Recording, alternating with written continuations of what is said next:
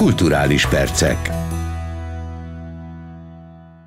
Köszöntöm Önöket a mikrofonnál Kocsonya Zoltán. A következő fél órában az Inforádió heti kulturális anyagaiból válogatunk. A magyar képzőművészet egyik jelentős mesterének a rendkívül változatos stílusokban alkotó Vaszari Jánosnak a műveit mutatja be a Magyar Nemzeti Galéria új kiállítása. A tárlaton bemutatott csak nem 70 műből 24 mindeddig teljesen ismeretlen volt a szakma és a közönség számára is. Rozgony Ádám kérdezte Gergely Marian művészettörténészt, a tárlat kurátorát. Ez a tárlat nem egy gyűjteményes kiállítás, hanem egy speciális témakör mentén rendeztük el a műtárgyakat, aminek az volt az alapja, hogy a hagyatéki gyűjteményben, amely a vasszari hagyatékot jelenti, ebben megtaláltunk két olyan vászontekercset, amelyet eddig még nem ismertük, nem leltároztuk be, és az egy-egy tekercsbe 20-20 darab új vasszari olajfestményt fedeztünk föl, ami eddig lappangott a gyűjteményben, ez 2016-ban volt, hiszen évek óta tulajdonképpen nagy revíziót tartunk az intézményben, mert arra készülünk, hogy a gyűjteményünk majd elköltözik az új Nemzeti Galériába, és ezt a több százezres műtárgyanyagot áttekinteni és revízió alá venni, lajstromozni, ez egy elég hosszú és bonyolult logisztikai munka. Nos, ennek a nagy revíziónak a során találtunk rá erre a két vászontekercsre, amely ezeket a műveket tartalmazta, és ebből választottuk ki azt a 24 legjobb művet, amelyet restauráltattunk, és lényegében a célja a kiállításnak hogy az, hogy ezt az új felfedezést megosztuk a szakmával, a nagy közönséggel, de oly módon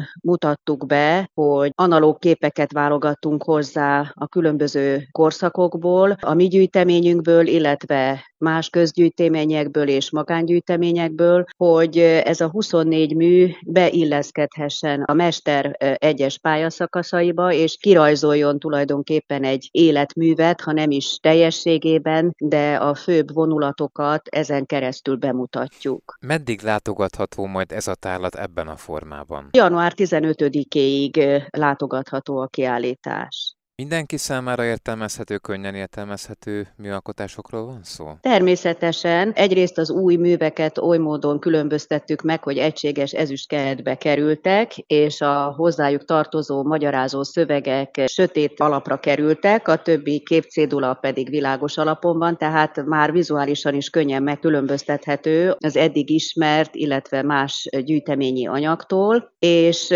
információs anyaggal természetesen elláttuk a kiállítást, kiállítás, tehát a, a festő egyes pályaszakaszait úgy csoportosítottuk, hogy az magyarázó szövegekkel értelmezhető, és a műtárgyak is ha nem is az összes, de jó része ilyen bővített magyarázattal ellátott képcédulával ellátott, tehát ha valaki belép a kiállításra, akkor egyértelműen tudja követni a kiállítás menetét. Azon kívül megjelent egy katalógus is, amely szintén tartalmazza egyrészt a megtalálásnak ezt az izgalmas történetét, illetve végigvezet minket a műtárgyakon keresztül a művész pályáján, és egy filmvetítése is sor kerül, ami évekkel ezelőtt készült egy életrajzi film Vasszari életéről, ami pedig nagyon érzékletesen és változatosan mutatja be az életpályát, tehát én úgy gondolom, ha valaki végigjárja a kiállítást, esetleg a katalógusba belepillant, és a filmvetítésen is részt vesz, akkor egy teljes képet kap a művész életéről, munkásságáról. Gergely Marian művészettörténészt, a Vaszari, az Ismeretlen Ismerős című tárlatkurátorát hallották. Múlt hétvégén véget ért az őszindító Pozsonyi Ruzsinó városrészben megtartott művészet szimfóniája. A fesztiválon több mint 650 előadó művész és együttes vett részt, köztük a Nemzeti Énekkar is. Rozgony Ádám kérdezte Somos Csaba karigazgatót.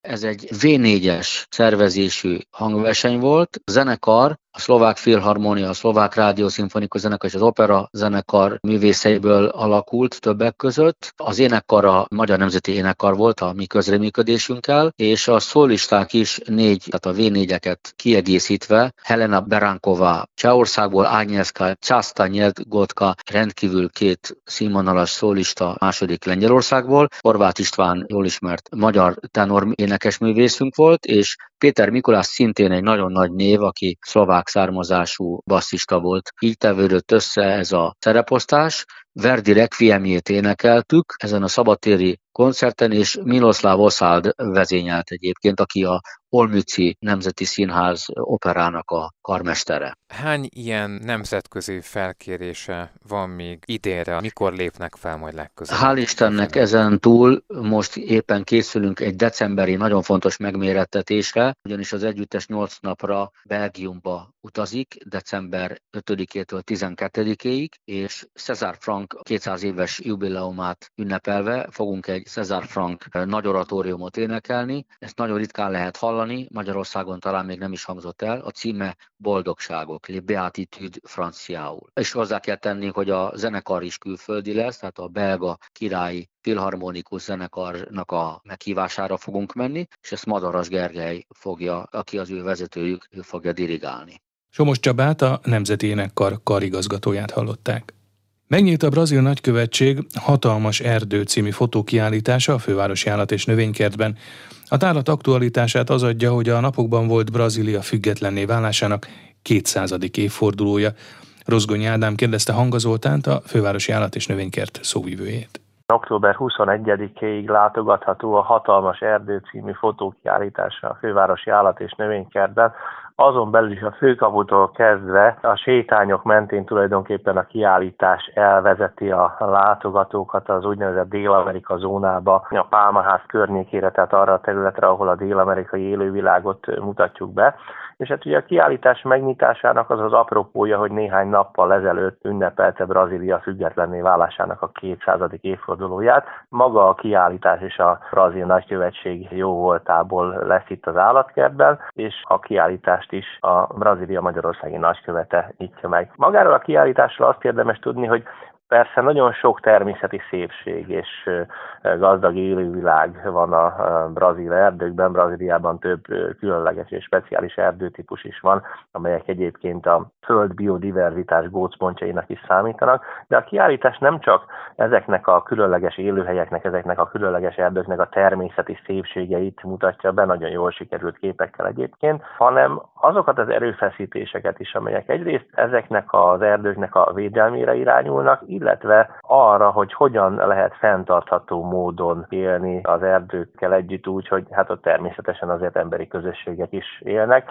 És a brazil társadalom kilenc projektjét is bemutatja ezek civil társadalmi projektek Brazíliából, amelyek a szintrópikus gazdálkodástól kezdve egészen egy olyan programig, ami címkével szavatolja, hogy például az erdőkből származó termékek azok a, olyan termelés során készültek, amelyek az ökológiai szempontokat is figyelembe veszik. Tehát rengeteg ilyen civil kezdeményezés van Brazíliában, és a fotókiállítás ezeket is bemutatja az erdők természeti szépségein túl. A mi állatkertünknek különösen fontos téma ez, hiszen nálunk nagy hagyománya van a dél-amerikai és ezen belül a Brazíliában honos állatok és növények bemutatása kialakulásának több mint száz éves múltra tekint ez vissza, és maga a kiállítás képei is az állatkerten belül abban a zónában vannak nagyrészt elhelyezve, ahol a különböző a földünk ezen vidékéről őshonos állatokat láthatja a közönség, a sörényes hangyásztól kedve az óriás vidrákon át egészen a tapírokig. A helyszín is közismert, hogy hol lesz a tárlat? Tudják a látogatók, hogy hol keressék a képeket? Kiállítást, ami nagyrészt szabad téren elhelyezett nagyméretű és természetesen magyarázó szöveggel ellátott képekből áll, úgy helyeztük el, hogy amikor a látogató már a főbejáraton belép, az első képeket már láthatja itt a főkapu téren, és onnantól kezdve, hát mint egy a képek elvezetik a látogatókat arra a területre, ahol egyébként a dél-amerikai élővilág világot, ezen belül Brazíliában honos fajokat mutatunk be. Tehát tulajdonképpen a főbejárattól azoknak a sétányoknak a mentén, amik ebben a bizonyos dél-amerikai zónába vezetnek, illetve a dél-amerikai zónán belül több különböző ponton is helyeztük el ennek a fotókiállításnak a nagyon jól sikerült képeit. Hanga Zoltánt, a Fővárosi Állat és Növénykert szóvivőjét hallották. Szeptember 25-ig tart az E-Színház Fesztivál, Magyarországi és határon túli magyar színházak valamint független társulatok pályázhattak előadásaikkal, amelyek közül 19 produkció került fel az eszínház.hu online platformjára. Rozgony Ádám kérdezte Sárközi Szabinát, az Elszínház marketing és kommunikációs vezetőjét.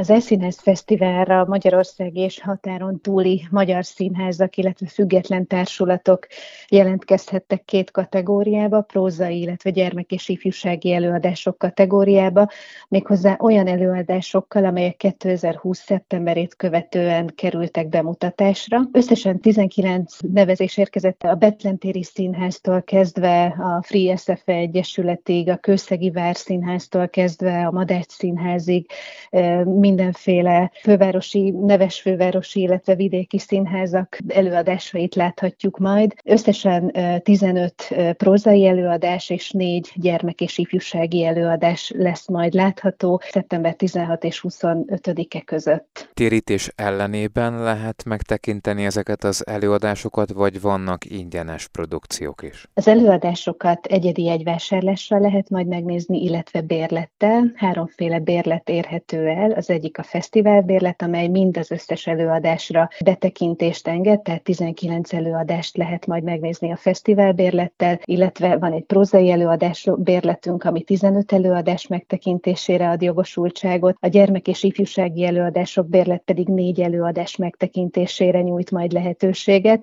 de ahogy mondtam is, a bérletek mellett, ha valaki csak egy-egy előadást szeretne nézni, akkor az előadásokra külön-külön is tud jegyet venni. Ezek mellett pedig lesznek szakmai kerekasztal beszélgetések, ezek ingyenesek, csak regisztrálni kell rá a honlapunkon, illetve az eredményhirdetést is ingyenesen meg lehet majd nézni. Mert hogy lesz díjátadás is, mikor derül ki, hogy melyek lesznek a díjazott előadások? Kétféle módon történik ezeknek az előadásoknak az értékelése. Van egy szakmai zsűri, aki értékeli az előadásokat, illetve a közönség is szavazhat a szakmai zsűri mellett. A szakmai zsűrink tagjai Fullajtár András színművész, Béres Attila igazgató rendező, Göttinger pár rendező, Kelemen Kristóf dramaturg és Tóth Barnabás filmrendezők, illetve a zsűri munkájában részt vesz az Erszínhez vezetője Légrádi Gerge is.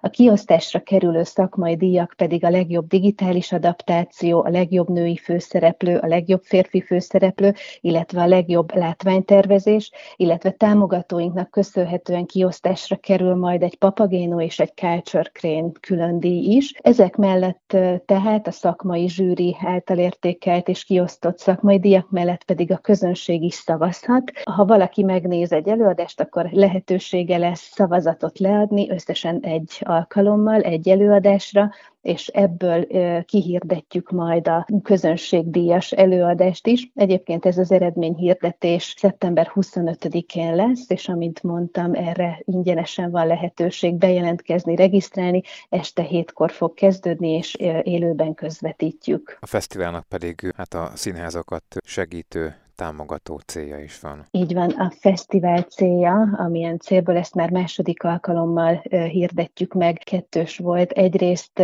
a COVID által sújtott évadok ellenére szerettük volna megmutatni a színházak értékes alkotásait, másrészt pedig azt, hogy az online térben hogyan születnek streamre, vetítésre adaptált előadások, és ezek miképp hoznak létre olyan műfajiságot, új látásmódot, új megközelítést, ami egy egyedi élmény élményt biztosít a nézők számára a sík képernyők előtt, illetve ez emellett a célunk mellett az is egy fontos célunk, hogy mivel az Elszínház egy alapítványi működtetésű platform, az alapítvány a Magyar Színházakért működteti az Elszínházat, a bevételeinek a jelentős részét a színházak és a társulatok részére fizeti meg. Sárközi Szabinát az Elszínház marketing és kommunikációs vezetőjét hallották. Az emelkedő rezsiköltségek miatt gazdálkodás szempontjából nehéz évadra készülnek a fővárosi színházak. A teátrumok, ahol tudnak, takarékoskodnak, a színházjegyek árát azonban nem akarják emelni. Tatár tímea összeállítása következik kritikus a helyzet nyilván mindenkinek, bár nem látok bele más színházaknak a gazdálkodásába. Fogalmazott a Radnóti Színház igazgatója az Inforádió Arena című műsorában. Kovács Adél szerint a Radnóti egy jól gazdálkodó színház, de jelenleg mindenki a tartalékaihoz nyúl. 2022-ben konkrétan a 2020-as költségvetésen mentünk, ebből most került elvonásra 32 millió forint. Ez a 150 milliós mentőcsomag, amivel a főváros megsegítette a független alkotókat. Ezt mi vissza fogjuk kapni januárban, viszont nem látjuk a 2023-as büdzsét. Ötszörös árat fogunk fizetni a gázért, erre közbeszerzést is kell kiírni, és hát a villamos energia is. Senki nem tudja, hogy az a pénz, ami egy színház rendelkezésére áll, az mire lesz elég, hiszen a rezsiáremelkedés nem csak azt jelenti, hogy magának a teátrumnak kell nagyobb villanyszámlát fizetnie, emelte ki Mácsai Pál az Örkény Színház igazgatója. A műhelyeknek, akik nekünk dolgoznak, a szabóknak, akik nekünk dolgoznak, stb. is nagyobb rezsit kell fizetni, tehát minden drágulni fog és nem utolsó sorban, nem elsősorban a nézőknek is nagyobb rezsit fog kelleni fizetni, ami azt jelenti, hogy nem tudhatjuk, hogy amikor ezek a fenyegetések, amik jóval innen vannak már a láthatáron, igazán beütnek, hogy akkor mennyire lesz az embereknek pénze, kedélye, energiája színházba jönni. Tehát ennyiben egy ismeretlenben nézünk, ami szorongató. Ugyanerről a bizonytalanságról beszélt Máté Gábor, a Katona József Színház igazgatója is. Még folynak a közbeszerzések, fogalmuk sincs, mit jelent majd a színházak számára a villany és a gázár emelkedése, mondta. Egyelőre azon igyekszünk, hogy, hogy ne kelljen változtatni se bemutató mennyiségben, sem pedig játék mennyiségben. Azt reméljük, hogy a tartalékainkból nagyjából meg leszünk az évad végéig, és aztán meglátjuk, hogy mi lesz. Nem gondoljuk azt, hogy kevesebb bemutató kéne legyen, nem gondoljuk azt, hogy kevesebbet kéne játszani, és nem gondoljuk azt se, hogy valamelyik játszóinket be kellene zárni. Jegyárat emelni, úgy érzem, hogy ebben az időszakban egyelő lenne az öngyilkossággal, mert azért az a gyanúm, hogy a Katonai József Színház nézői nem a felső tízszerből kerülnek ki. További támogatásokra és szponzorokra nem lehet számítani, és árnyalja a képet, hogy nem csak a teátrumok, egy egyszerű háztartás sem tudja, mennyiből gazdálkodhat. Mindenki várja az első gáz és villanyszámlát. Máté Gábor reméli, hogy nem a kultúra rovására csípnek majd le az emberek a kiadásokból. A világ lidérces történéseinek bemutatásán túl együtt gondolkodásra hívja a közönséget a Víg Színház új évadában, mondta az Inforádiónak Rudolf Péter. A teátrum igazgatója a költség megtakarításról úgy fogalmazott, az észszerűség határain belül mindenütt meghúzzák a nadrágszíjat. Elmondta azt is, keresi a lehetőségeket a színház fenntartási költségeinek csökkentésére, továbbá közölte azt is, hogy a jegyárakon nem szeretnének változtatni. Rudolf Péterrel Rozgöny Ádám készített interjút. Melyek az új évad leginkább várt produkciói, előadásai, ezek előkészületei jelenleg hol tartanak? Igazgatóként nyilván számomra az összes, és viszont a lényeg az, hogy most mindig, mindig az, ami az ember orra előtt van, tehát most a legközelebbi, az október elején a Bodó Viktor által rendezte Franz Kafka kastélyából készült adaptáció, amely zajlanak a munkák napi két próbával, és nagyon fontos, hogy miközben egy szorongató világban élünk, a szorongás szó Kafka kapcsán ugye az első asszociációs szó, ami fölbukkan, mégis nagyon fontos számomra, amikor Viktor erről beszélgettünk, hogy az ő rendező alkatából, az ő egész attitűdjéből következik, hogy miközben megéljük a kastélyt, ahol egy, ez egy nagyon különleges díszlet egyébként, ahol egy építkezés világába helyezte bele a színdarabot, de a dolog lényege, hogy az ember nem tudja, hogy a különböző kopácsolások és különböző szintek, fölötte levő szintek, alatta levő szintek mi, miféle veszélyeket hordoznak, tehát ezt a fogaskerék életérzést, nem tudjuk, hogy mi történik velünk, amivel most nem nehéz azonosulni, ez közben bravuros színészi trúvályokkal és nagyon is átélhető módon hozza létre, és ez fontos volt, hogy az évadunk a Harvey után, ugye, amely tavaly mutattuk be, de a bérlet első eleme, a következő előadás is, és az egész évad valahogy úgy rakódjék össze, hogy ez a sok lidérces történés, ami, ami most velünk van, a háborúval, ami mindig itt túlálkodó vírussal, hogy közben felelősségemnek, felelősségünknek érezzük hogy ne csak megmutassuk, hogy mi a helyzet, ne csak, ne csak remegjünk, hanem itt kilép a színházban a Nagykörútra, meg a Pesti Színházban a Váci utcával. A néző, mégiscsak valamit akarjon, akarjon tenni. Együtt gondolkodunk azzal, hogy mit, mert nem olyan egyszerű most megadni a válaszokat és derűt varázsolni lidérces történések és történetek végére, de valahogy mégiscsak azt érzem, hogy ez a dolgunk. Az Inkognitó, ami a Pesti Színházi bemutatónk, Szőcs Artúr rendezésében, egy nagyon érdekes történet, egy, egy nagy kirakós játszma, érdekes kiindulási pont, egy, egy újságcikkből írta Nick Payne. Einstein nagyát ellopták, és egy picit krimis, kirakós játék végén jövünk rá arra, hogy ki mit akar ebben a történetben. Nagyon sok szerepet játszanak a színészeink ebben a bemutatóban, és ez egy olyan kortárs darab, amely kifejezetten kuriózum, az az érzésem, és nagyon várom a bemutatót. Ugye ez egy tavalyi munkafolyamat végkicsengése lesz, és ezután jövök a Vígszínházban december 9-én Shakespeare Szeged Szeggeljével, jó magam, és a Pesti Színházban pedig az Egy szerelem három éjszakája Vinyászki Attilával. Körülbelül eddig tudok előre gondolni, nyilván ami utána jön, mind-mind épp annyira fontos, mint a, az egyéb előadásaink, a kortárs darabok a házi színpadon, csak az ember ilyenkor szinte úgy érzi magát, mint egy hirdető oszlop, tehát kicsit félve öntöm az információt a hallgatók nyakába, úgyhogy most maradjunk ezeknél az éppen előttünk álló feladatoknál. Bizonyára a Víg Színházat és játszóhelyeit is igen negatívan érintik a növekvő energiaárak, az a válság, amely elkezdődött és sajnos kibontakozóban van. Az ősz, a tél még nehezebb időszakot jelenthet.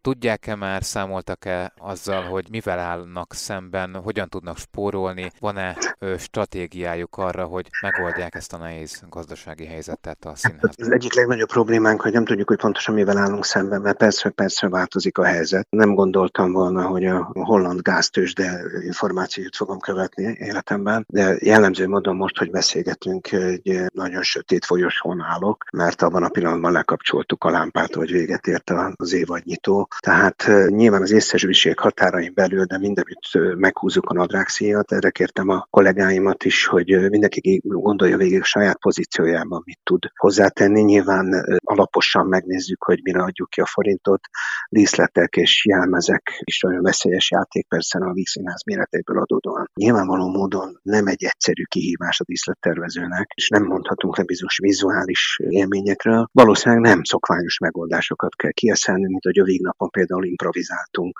saját magunkról adtunk elő történeteket, már ilyen backstage hangulatban, hogy hogy is működik a színház, és azt hiszem, hogy ennyi ember egyszerre még nem improvizált a földön sehol, mint, mint mi a végnap délelőtt előttjén, megmutatva a nézőnknek a magunk esendőségét. Valószínűleg tartalmi részben is újdonságokat kell kitalálnunk, hogy a rezsiszámla ellenére a néző eljöjjön hozzánk, mert akkor van értelme ennek az egésznek, és a másik oldalról pedig mindent meg kell tennünk, hogy egy ilyen hatalmas üzem egyszer csak a dolgozók segítségével mindenki a maga pontján megtalálja az észszerű spórolás lehetőségét, valahogy talpon tudjon maradni. Arra kell még lehet gondolni, hogy hidegebb lesz a nézőtereken, tényleg arra kényszerülnek, hogy eddig vagy korábban alkalmazott technikákat újra előcsalogassanak a spórolás jegyében? Hát ez, ez a leg, legnehezebb kérdés, hogy a mostani beruházás az mikor és hogyan térül meg. Több napelemet már nem lehet elhelyezni, mint ami a Színház